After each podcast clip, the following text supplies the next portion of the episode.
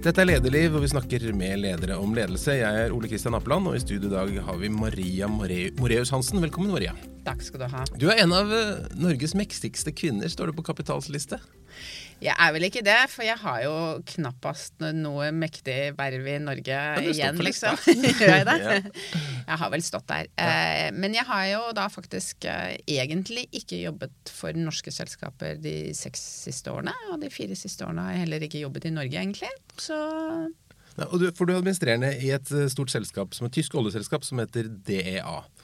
Eh, og det er det bare en liten stund til, for det skal fusjonere med et annet selskap. Men mm. det som jeg slår meg når, Jeg fikk litt dårlig samvittighet når jeg begynte å se, for du er faktisk første leder fra oljebransjen vi har hatt her. Vi har holdt på i fem år intervjuet ledere. Eh, seks, sjette året, og du er første fra oljebransjen.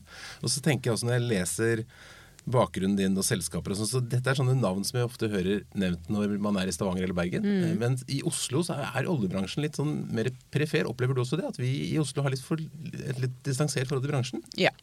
Så i oljebransjen, internt i oljebransjen, så har man jo et sånt uttrykk hvor man snakker om oljeskyggen. Og da sier man jo at uh, liksom Oslo lever i oljeskyggen. Og det er en stor eh, virkelighetsoppfattelsesforskjell, tror jeg, i Stavanger og Bergen og på Vestlandet eh, og til Oslo om hva oljebransjen er. Eh, når det er sagt, så er det jo mange også i Oslo som jobber i oljebransjen. Equinor har jo store kontorer her, Aker BP har store kontorer her, Lundin har store kontorer her. Eh, men det er klart at i forhold til mye annen virksomhet, og kanskje i profil, altså kanskje liksom i ledelsesprofil, så, så ser man andre navn og en annen vinkling også i Oslo-pressen. Ja, for jeg merker at ja, I Stavanger som sagt, så sitter mm. snakker masse navn, og alle kjenner det. Mens vi bare, mm. jeg føler meg litt dum noen ganger. for jeg at Dette er jo ikke en del av det vanlige sfæren som vi har her i byen. Så det er litt forskjell på det. Men det er en svær bransje. Oljebransjen er en veldig stor bransje. Og, og ganske interessant også, så mener jo jeg at eh, det går jo mye debatter nå, eh, offentlige debatter, om fremtiden til oljebransjen. Eh, og jeg mener jo at uh, i Norge så står oljebransjen ganske sterkt. Eh, det er stor respekt for bransjen. Eh, man debatterer, men det er kvalitet og respekt i debatten. Og en av grunnene til det tror jeg at alle har liksom en onkel eller en eller annen slektning, eller kanskje til og med en far eller mor, som har jobbet eh, i bransjen, eller som jobber i bransjen. Så for oss så handler det veldig mye om arbeidsplasser. Så hvis vi bruker et tall som 120 000 mennesker, eller noe sånt, så er, det, så er det jo en veldig stor bransje mm. i Norge. Hvor stor er dere? Både, altså, både globalt og i Norge? Så DA er eh, i størrelsesorden 1200 ansatte, direkte ansatte. Så har man jo selskapsmodeller hvor man jobber i partnerskap osv. 1200 ansatte, og drøye 100 av dem sitter i Norge. Så vi er jo primært andre steder enn i Norge. Eh, men med fusjonen som nå kommer opp, Wintershaldea, så blir vi ganske store i Norge. Og kommer til å være en av de største aktørene på norsk sokkel. Men du har også endt opp da som eh, administrerende i et tysk selskap. Før det så var du i et fransk selskap. Mm. Hvordan havnet du i disse jobbene? Det er jo eh, litt tilfeldig. Ikke noe tvil om det. Eh, og, og, hvis du ser på, på dette fra et tysk perspektiv, så man sitter i Tyskland, og så snakker man med en leder i et olje- og gasselskap.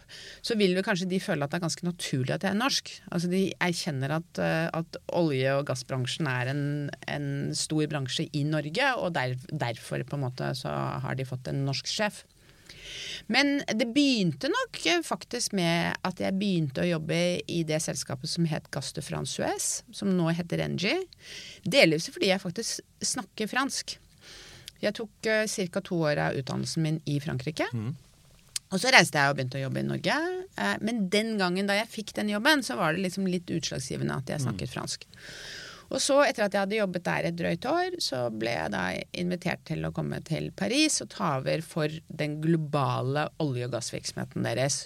Og igjen så var det liksom utslagsgivende at jeg faktisk snakket fransk. Men så er det jo olje- og gassbransjen, og så snakker vi stort sett engelsk. Så da jeg ble invitert til å komme til Tyskland, um, fordi jeg hadde solgt liksom, Engis olje- og gassvirksomhet, uh, så snakker ikke jeg tysk. Men da tenker jeg det går jo bra, for det har jeg jo sett i Frankrike. Jeg behøvde jo egentlig ikke snakke fransk. Så nå er jeg sjef i et tysk selskap, og jeg snakker ikke tysk. Føler du at du går glipp av noe sånn i lunsjen noen ganger, eller? Nei, det går veldig bra på kontoret. Jeg syns litt synd på mine ansatte av og til, selvfølgelig. fordi at det er jo en fordel for meg og en slags ulempe for dem. Siden engelsk er arbeidsspråket. Men sånn mer sosialt så er det selvfølgelig en liten hemsko av og til, da. Men er dette noe du har drømt om siden du var liten? Å bli leder i oljeselskap? Eh, Jeg har ikke drømt om å bli leder i oljeselskap. Og jeg har i hvert fall ikke drømt om å bo utenfor Norge. Altså jeg er jo Jeg, jeg syns at Norge er et fantastisk sted. Jeg er egentlig veldig hjemmekjær. eh, Og jo lenger jeg bor utenfor Norge, jo gladere blir jeg i Norge. Og kanskje Oslo spesielt. Så, så det er egentlig helt tilfeldig.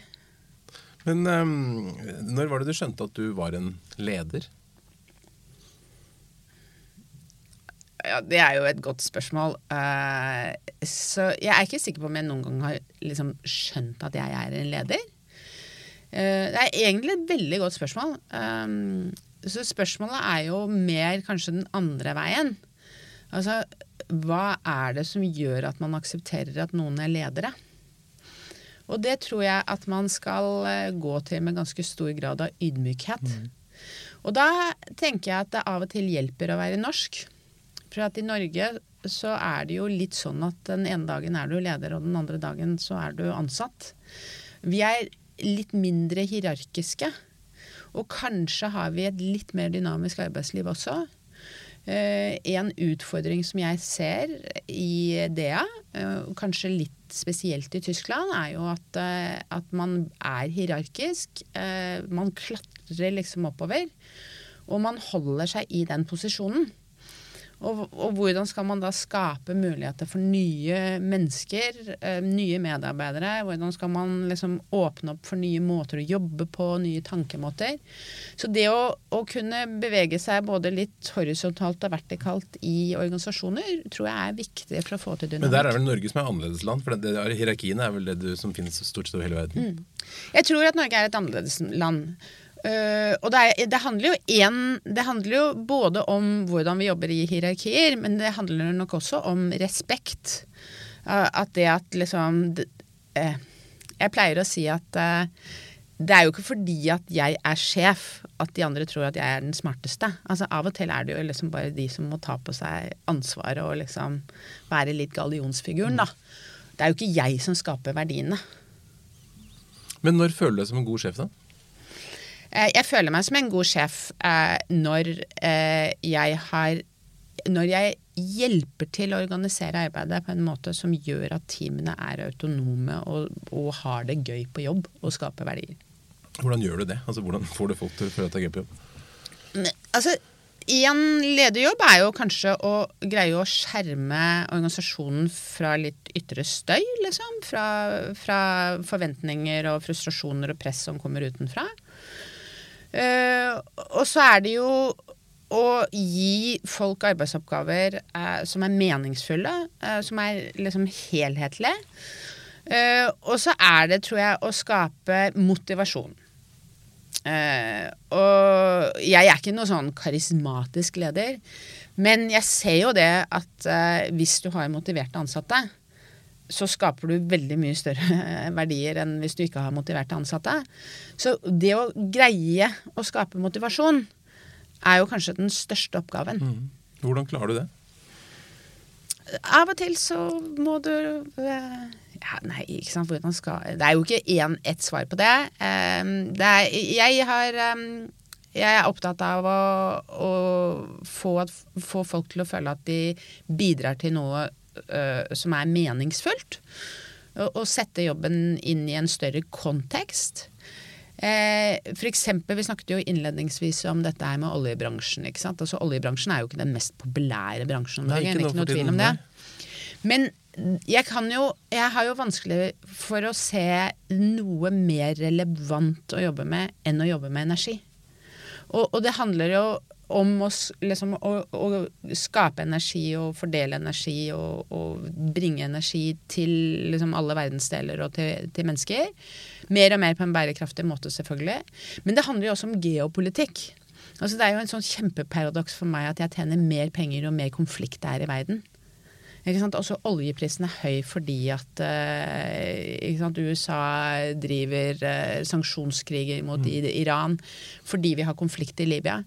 Uh, det, er, det, er, jo sånn paradoks, ikke sant. Um, hvis vi driver i Mexico, for eksempel, du kan lese på forsiden av avisene om den meksikanske presidenten og hans forventning til olje- og energibransjen og eh, energireformen i Mexico. Og så sitter vi liksom midt inni dette. Og da, om du da jobber på et laboratorie i Tyskland, så er du er liksom del av det store. Mm. Så, så, det bruker jeg mye tid på å snakke med de ansatte om. Så, så tror jeg at man må ha det gøy på jobben også. Og så eh, handler det veldig mye om å liksom gi folk ansvar eh, men også kreve mye av dem. Så jeg er jo eh, en som selv motiveres av å, å liksom få til tøffe ting. Ikke fordi det er så gøy når du gjør det, men du føler deg så god etterpå. Mm. Liksom. Og så det tenker jeg jo at man Å pushe folk til å gå den lille ekstra milen, for da kan de være så stolt av seg selv etterpå. Og det ser jeg. ikke sant? Det å liksom lage mål og achievement og mm. få folk til å gjøre ting som de trodde de ikke kunne gjøre, eh, det skaper energi og motivasjon. Er det noen forskjeller da på franskmenn, tyskere og nordmenn f.eks.? Masse. Eh, masse. Det er masse forskjell. Det er det. Ikke sant. Det er, eh, det er jo rart at eh, selv mellom Norge og Tyskland og Frankrike så er det store forskjeller på hvordan liksom, folk opplever jobben sin, hvilken forventning de har til work-life balance, hvordan de ønsker å liksom, snakke om jobben sin. Og det er jo i land som, som er veldig like. Mm. Og, så, i tillegg så skal man liksom jobbe i Abu Dhabi mm. eller i Mexico eller i Argentina, hvor det selvfølgelig er enda større forskjeller. Så, så det er eh, store kulturelle og sosiale forskjeller overalt. Er nordmenn, er, nordmenn, lettere eller vanskeligere å lede? Nordmenn er jo jeg, eh, jeg, sier jo at eh, det å være leder i et olje- og gasselskap er ganske vanskelig, fordi at du jobber jo bare med veldig høyt utdannede mennesker, som selvfølgelig er ganske mye smartere enn deg. Mm. Og som i tillegg til det sannsynligvis også mener at de er ganske mye smartere enn deg. Så det er jo litt krevende. Eh, så igjen så er det litt som det der med hierarkiet og, og aksept for, uh, for uh, ledelse osv. Jeg liker den norske modellen, men det er nok mest fordi jeg er norsk. Ja. Og så, så, er ikke jeg noen ekspert på kulturelle forskjeller, men jeg tenker at jeg er meg, og så håper jeg at andre mennesker respekterer meg, og så prøver jeg å respektere dem. Ja, det har fungert så langt.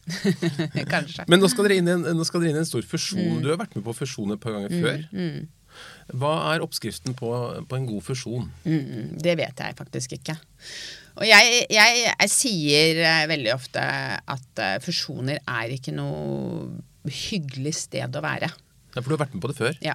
Så jeg, jo, jeg satt jo i Hydro da Saga ble fusjonert inn i Hydro. Eh, og jeg jobbet i Hydros olje- og gassvirksomhet da vi ble fusjonert inn i Statoil. Og det er, det er rett og slett ganske mye politikk. Mm. Det er litt sånn posisjonering. Mm. Politikk. Vanskelig, vanskelige prosesser på jobben. Så er det jo sånn at i tillegg til det eh, så eh, er det jo veldig ofte sånn at når man kombinerer to selskaper, så snakker man om reduksjon av antall ansatte, eh, nye organisasjoner, restrukturering. Uh, og det blir det også med Winters Aldea. Uh, Winters Aldea kommer til å bli et veldig spennende selskap, men det er ganske store overlapper i organisasjonen. Dette er to historisk liksom, tyske selskaper.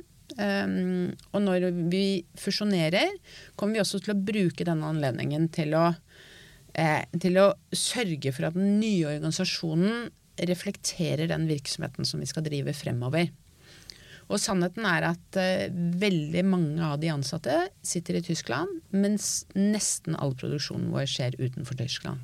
Så vi kommer til å redusere antall ansatte i Tyskland ganske kraftig. Og det er jo krevende prosesser. Mm. Eh, og de, de, den type prosesser er ganske annerledes eh, mellom Norge og Tyskland og Frankrike. Er det noen opplevelser du har hatt fra de tidligere fusjonene som du da tar med deg inn i, i bakhodet når du går inn i dette nå for å være flinkere? Absolutt. Så jeg tror at eh, jeg, jeg snakker ganske mye om det. Rett og slett for at folk skal være bevisste, liksom. Eh, det, er ikke, det er jo ikke sånn at at når man kommer på jobben om morgenen, så ønsker man å være slem. Men av og til så er man jo egentlig litt, litt sånn kanskje ikke hensynsfull nok, da. Flink nok til å jobbe i team, flink nok til å på en måte være inkluderende osv. Og, så og det kan man bevisstgjøre eh, de ansatte og ledere på, rett og slett ved å snakke om det, tror jeg. Mm. Og så må man våge å snakke om de tingene som ikke er eh, ikke sant, finansielle resultater og det, det, er jeg opptatt av. Altså, mm. vi, vi, kan selvfølgelig liksom måle oss i finansielle resultater og turnover og kopier osv. Eh, men det, de færreste lar seg jo motivere av å, å maximize shareholder returns, liksom. Det må jo handle om noe som ligger litt nærmere hjertet. Mm.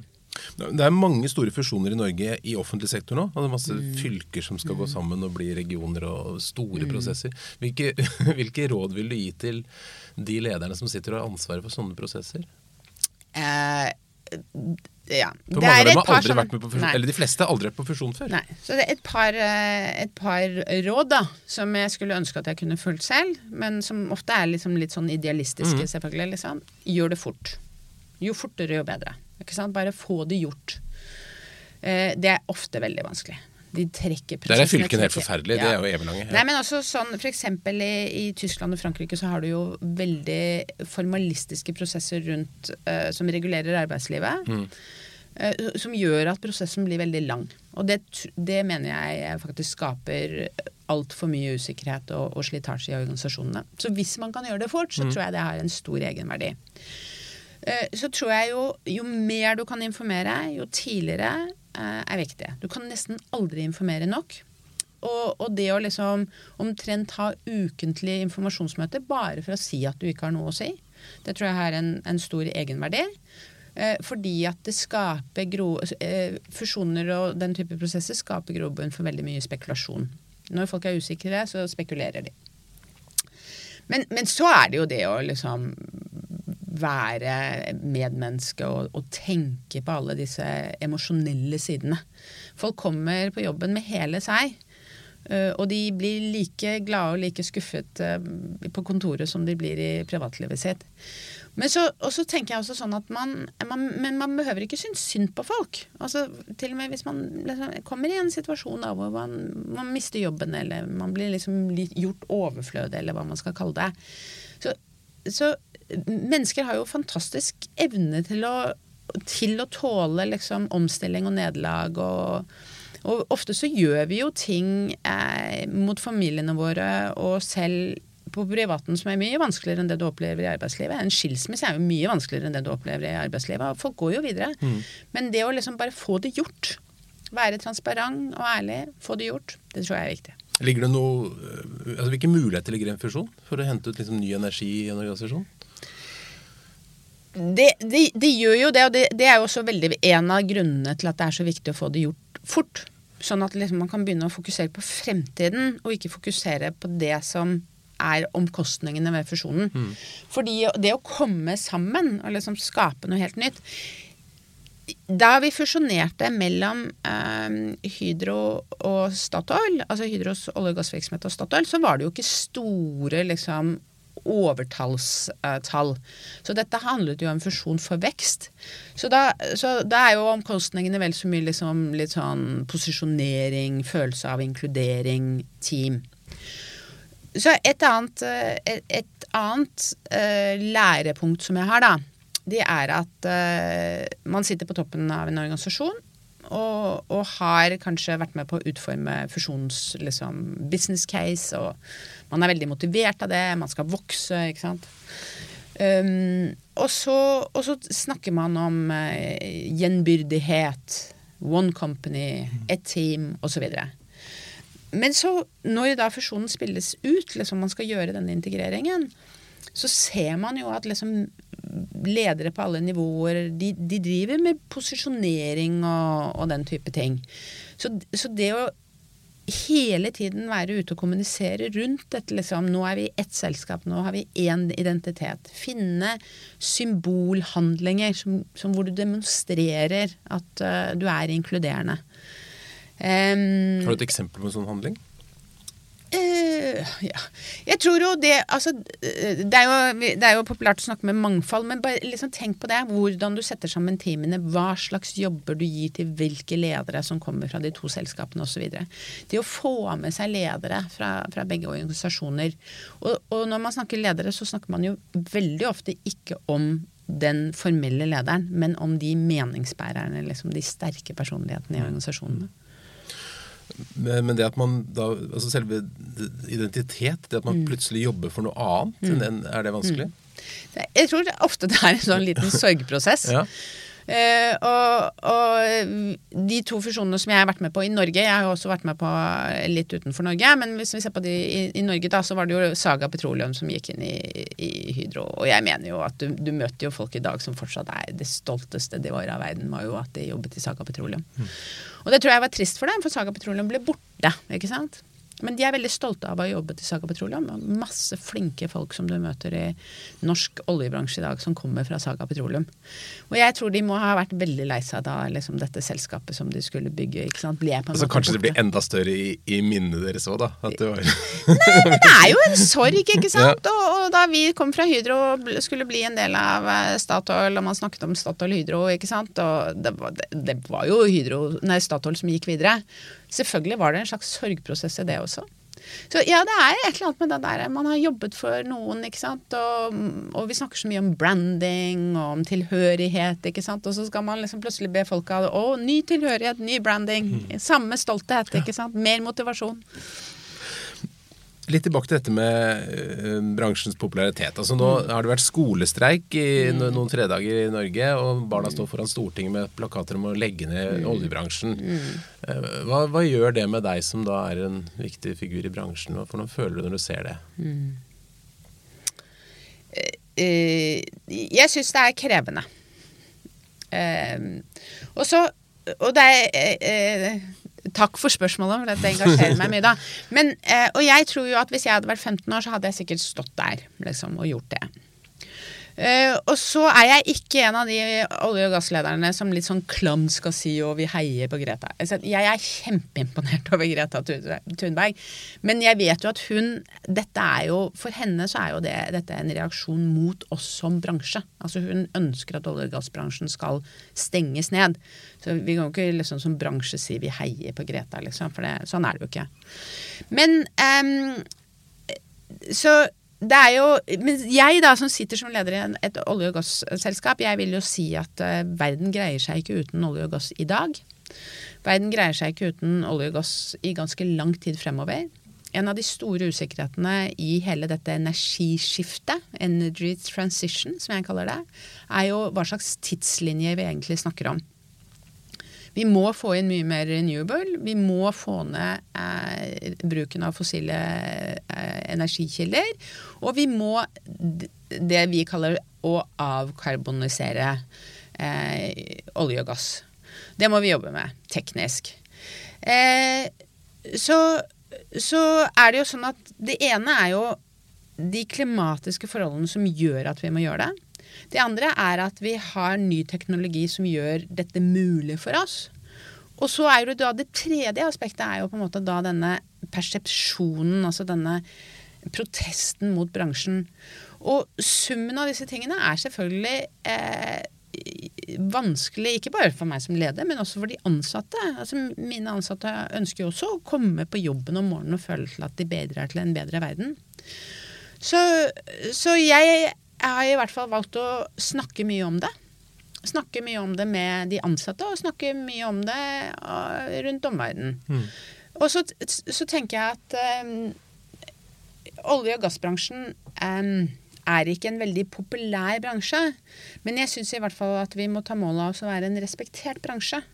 At vi er um, synlige. At vi tar ansvar for det vi gjør. At vi er, eh, stiller opp til debatter. At vi forklarer hvorfor vi mener at eh, vi fortsatt kan drive på en, eh, en ansvarlig måte. hvilke tiltak vi selv har tenkt til å, å sette i gang for å, å, være en del av løsningen og ikke bare en del av problemet. Så det krever jo mer lederskap, det er ikke noe tvil om det. Men føler du på noe, på noe dårlig samvittighet for at du er i bransjen? Jeg har ikke dårlig samvittighet, eh, men jeg er opptatt av å tenke hvordan vi kan være en del av løsningen. Absolutt. Og jeg er ikke upåvirket, men om det er liksom dårlig samvittighet, er vel kanskje ikke det riktige beskrivelsen. Hva vil du si hvis du, ble, hvis du plasserte deg foran den gjengen som demonstrerer foran Stortinget? Hva vil du mm. si til disse skoleungdommene? Jeg tror at jeg ville sagt at uh, jeg tror vi er enig i mye. Og det vi ikke er enige om, er hva slags tidsperspektiver vi snakker om. Jeg syns at én ting som vi som ledere, som industri, uh, som meningsbærere, kanskje har forsømt oss litt på, det er jo dette med verdiskapning. Det er jo sånn at, uh, at uh, hvis man vokser opp i Norge, hvis man er gitt en utdannelse, hvis man er frisk, så, skal, så mener jo jeg, jeg er jo litt sånn moralsk på dette her, så skal man bidra på en måte. Man skal skape verdier, man skal betale sin skatt. Uh, det å, å, faktisk drive industri, det å skape verdier, det å bidra til samfunnet, det er viktig for økonomisk vekst og for velstand osv. For vi har en forpliktelse til å passe på alle, um, og også klima. Og så er det jo sånn at vi ser at vi er nødt til fremover, på, på lengre sikt, å, å, forsyne verden med energi på en annen måte enn det vi gjør nå. Men vi kan ikke snu oss fullstendig rundt over natten. Og så, og så har jeg ikke dårlig samvittighet, men av og til, når jeg tenker liksom at det er litt tøft, så pleier jeg å tenke på farfaren min. altså Farfaren min eh, er, er, er, har vært død veldig lenge, jeg møtte han aldri. Men han var hvalfanger. Mm. Ikke sant? Du kan tenke deg, Han reiste fra Sandefjord uh, til uh, Sørishavet og jaktet på blåhval. Det var heller ikke akkurat en bærekraftig uh, industri, og ikke mye å være stolt av i dag, men jeg er selvfølgelig allikevel veldig stolt av farfaren min. Så det er noe med at hver industri har sin tid? Mm. Hvor lang, tid, hvor lang tid har dere? Jeg tror vi har veldig lang tid. Ja. Men, men um, Vil du anbefale ungdom i dag å gå inn i oljebransjen? Jeg vil eh, anbefale for, for, det første så tror jeg at veksten innenfor renewable, fremveksten av nye energikilder, eh, løsningene eh, kommer til en stor grad å skapes innenfor de store olje- og gasselskapene, innenfor energiselskapene. Det er et, et stort omstillingsbehov. Olje- og gassbransjen har også mye penger og kan være en del av løsningen. Eh, så jeg ville absolutt anbefale eh, unge mennesker å gå inn og jobbe for store olje- og gasselskaper som kommer til å være store energiselskaper fremover. Og hvis du vil være en del av den løsningen, så kan du meget vel være det på innsiden av disse selskapene. Eh, men jeg erkjenner at det er ikke så lett å overtale unge mennesker til å se at det er riktig. Og, og, der er det jo sånn at den ene siden er liksom den omdømmediskusjonen som går rundt bransjen nå eh, pga. klimadebatten. Men den andre siden er jo hvordan vi egentlig har behandlet våre ansatte i eh, tider med eh, lave oljepriser, store omstillinger, eh, store nedbemanninger. Så, så, det er liksom kombinasjonen av langsiktigheten og av eh, omdømmet og måten vi, vi, jobber på og greier å kommunisere hvordan vi jobber på, som jeg tror gjør at vi har vanskeligheter for å rekruttere unge mennesker inn i bransjen. Mm. Men så kan vi bruke teknologi. Eh, først og fremst så må vi jo fortelle alle de strålende tingene vi gjør. Eh, hvordan vi bruker eh, nye digitale løsninger til å bli en, en del av løsningen hvordan vi ønsker å finne ut hvordan vi kan gradvis forsyne kundene våre med nye energibærere. Hvordan vi f.eks. i Wintershaldea kanskje kan gå fra gass til hydrogen. Altså alle disse tingene. Eh, så det handler jo om å, å vise folk hva som kommer etterpå. Du er jo en eh, engasjert leder. Du skriver eh, innlegg og kronikker og sånn. Det er jo veldig mange næringsledere som ikke gjør Eller det er veldig få som gjør det, egentlig. Mm. Tenker du at det er viktig som leder å være samfunnsengasjert på den måten? Altså, jeg tenker at det er viktig. Eh, men så skal jeg jo også eh, innrømme at det sikkert er viktig for meg, og at eh, andre ledere har andre ting som de syns er viktig. Men, men Hvorfor er det viktig for deg, da? For, for, meg så er jo det å være relevant og det å bidra og være en del av samfunnet er viktig. Uh, og en av grunnene til at jeg holder på min norske identitet, at jeg er opptatt av å være i Norge, er jo at, at det, liksom, jeg kan være med på å påvirke det norske samfunnet. Eh, men selvfølgelig i Tyskland så er jeg liksom bare bitte lille meg i, i store Tyskland. Um, og jeg tror jo at uh, vi kan jo alle bidra. Vi kan jo bruke energien vår på masse forskjellige motivasjonen vår på masse forskjellige måter. Så, så, og igjen, da, for å komme tilbake til det der motivasjon. altså Jeg er vel en person som våkner opp i morgen og tenker liksom samme hvor kjipt eh, gårsdagen var. Så tenker jeg OK, ny dag, nye muligheter. Hva kan jeg få til i dag? Og, og så tenker jeg men altså, Nå har vi jo snakket litt om det der med verdiskapning, da. Og da tenker jeg at eh, det, altså, Vi som bedriftsledere kan jo ikke overlate til NHO å snakke om verdiskapning. Vi må snakke om det som næringslivsledere, som personer. På samme måte som jeg mener som, som leder i olje- og gassindustrien, så skal jeg ikke overlate til norsk olje og gass å snakke om viktighetene av norsk olje og gass. Og jeg tror jo at eh, hvis man representerer eiere, hvis man representerer ansatte, så har man jo mer tyngde i debatten også, enn hvis man bare er på en måte en lobbyist. da. Så, så, det å bruke det, jo, det, handler jo litt om makt, men om, om tyngde og respekt. Og så bruke den til å, til å, motivere ansatte, til å motivere nye til å komme inn i bransjen. Til å vise hvordan vi som bransje er relevante. Det, det tror jeg er viktig. Så er jeg jo en som mener mye om mye. Og så er jeg sikkert litt arvelig belastet hjemmefra, da.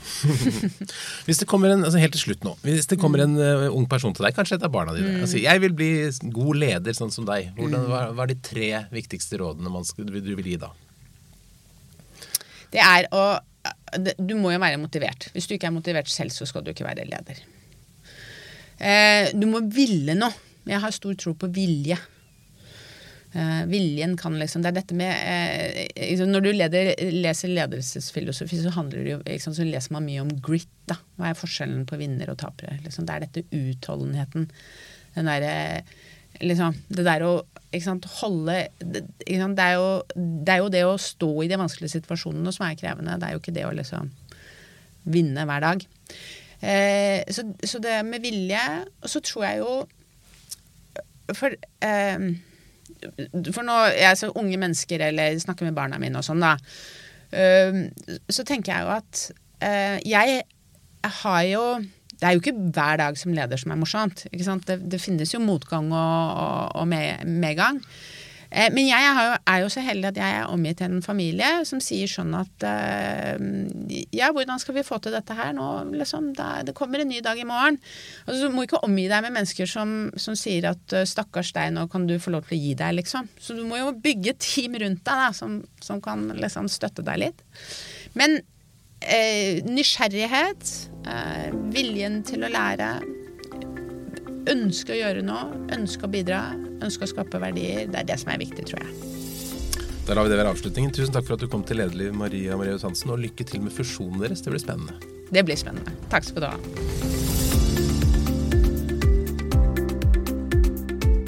Lederliv lages av kommunikasjonsbyrået Apeland. Det er Ellen Paulsen, Lars Jarle Melum, Henrik Njå og meg, Ole Kristian Apeland, som er i redaksjonen. Og du finner oss overalt hvor du finner podkast. Du kan også gå inn på lederliv.no og Lederliv på Facebook. Og vi tar gjerne imot tips om spennende ledere som du har lyst til å høre på Lederliv. Takk for at du hører på oss.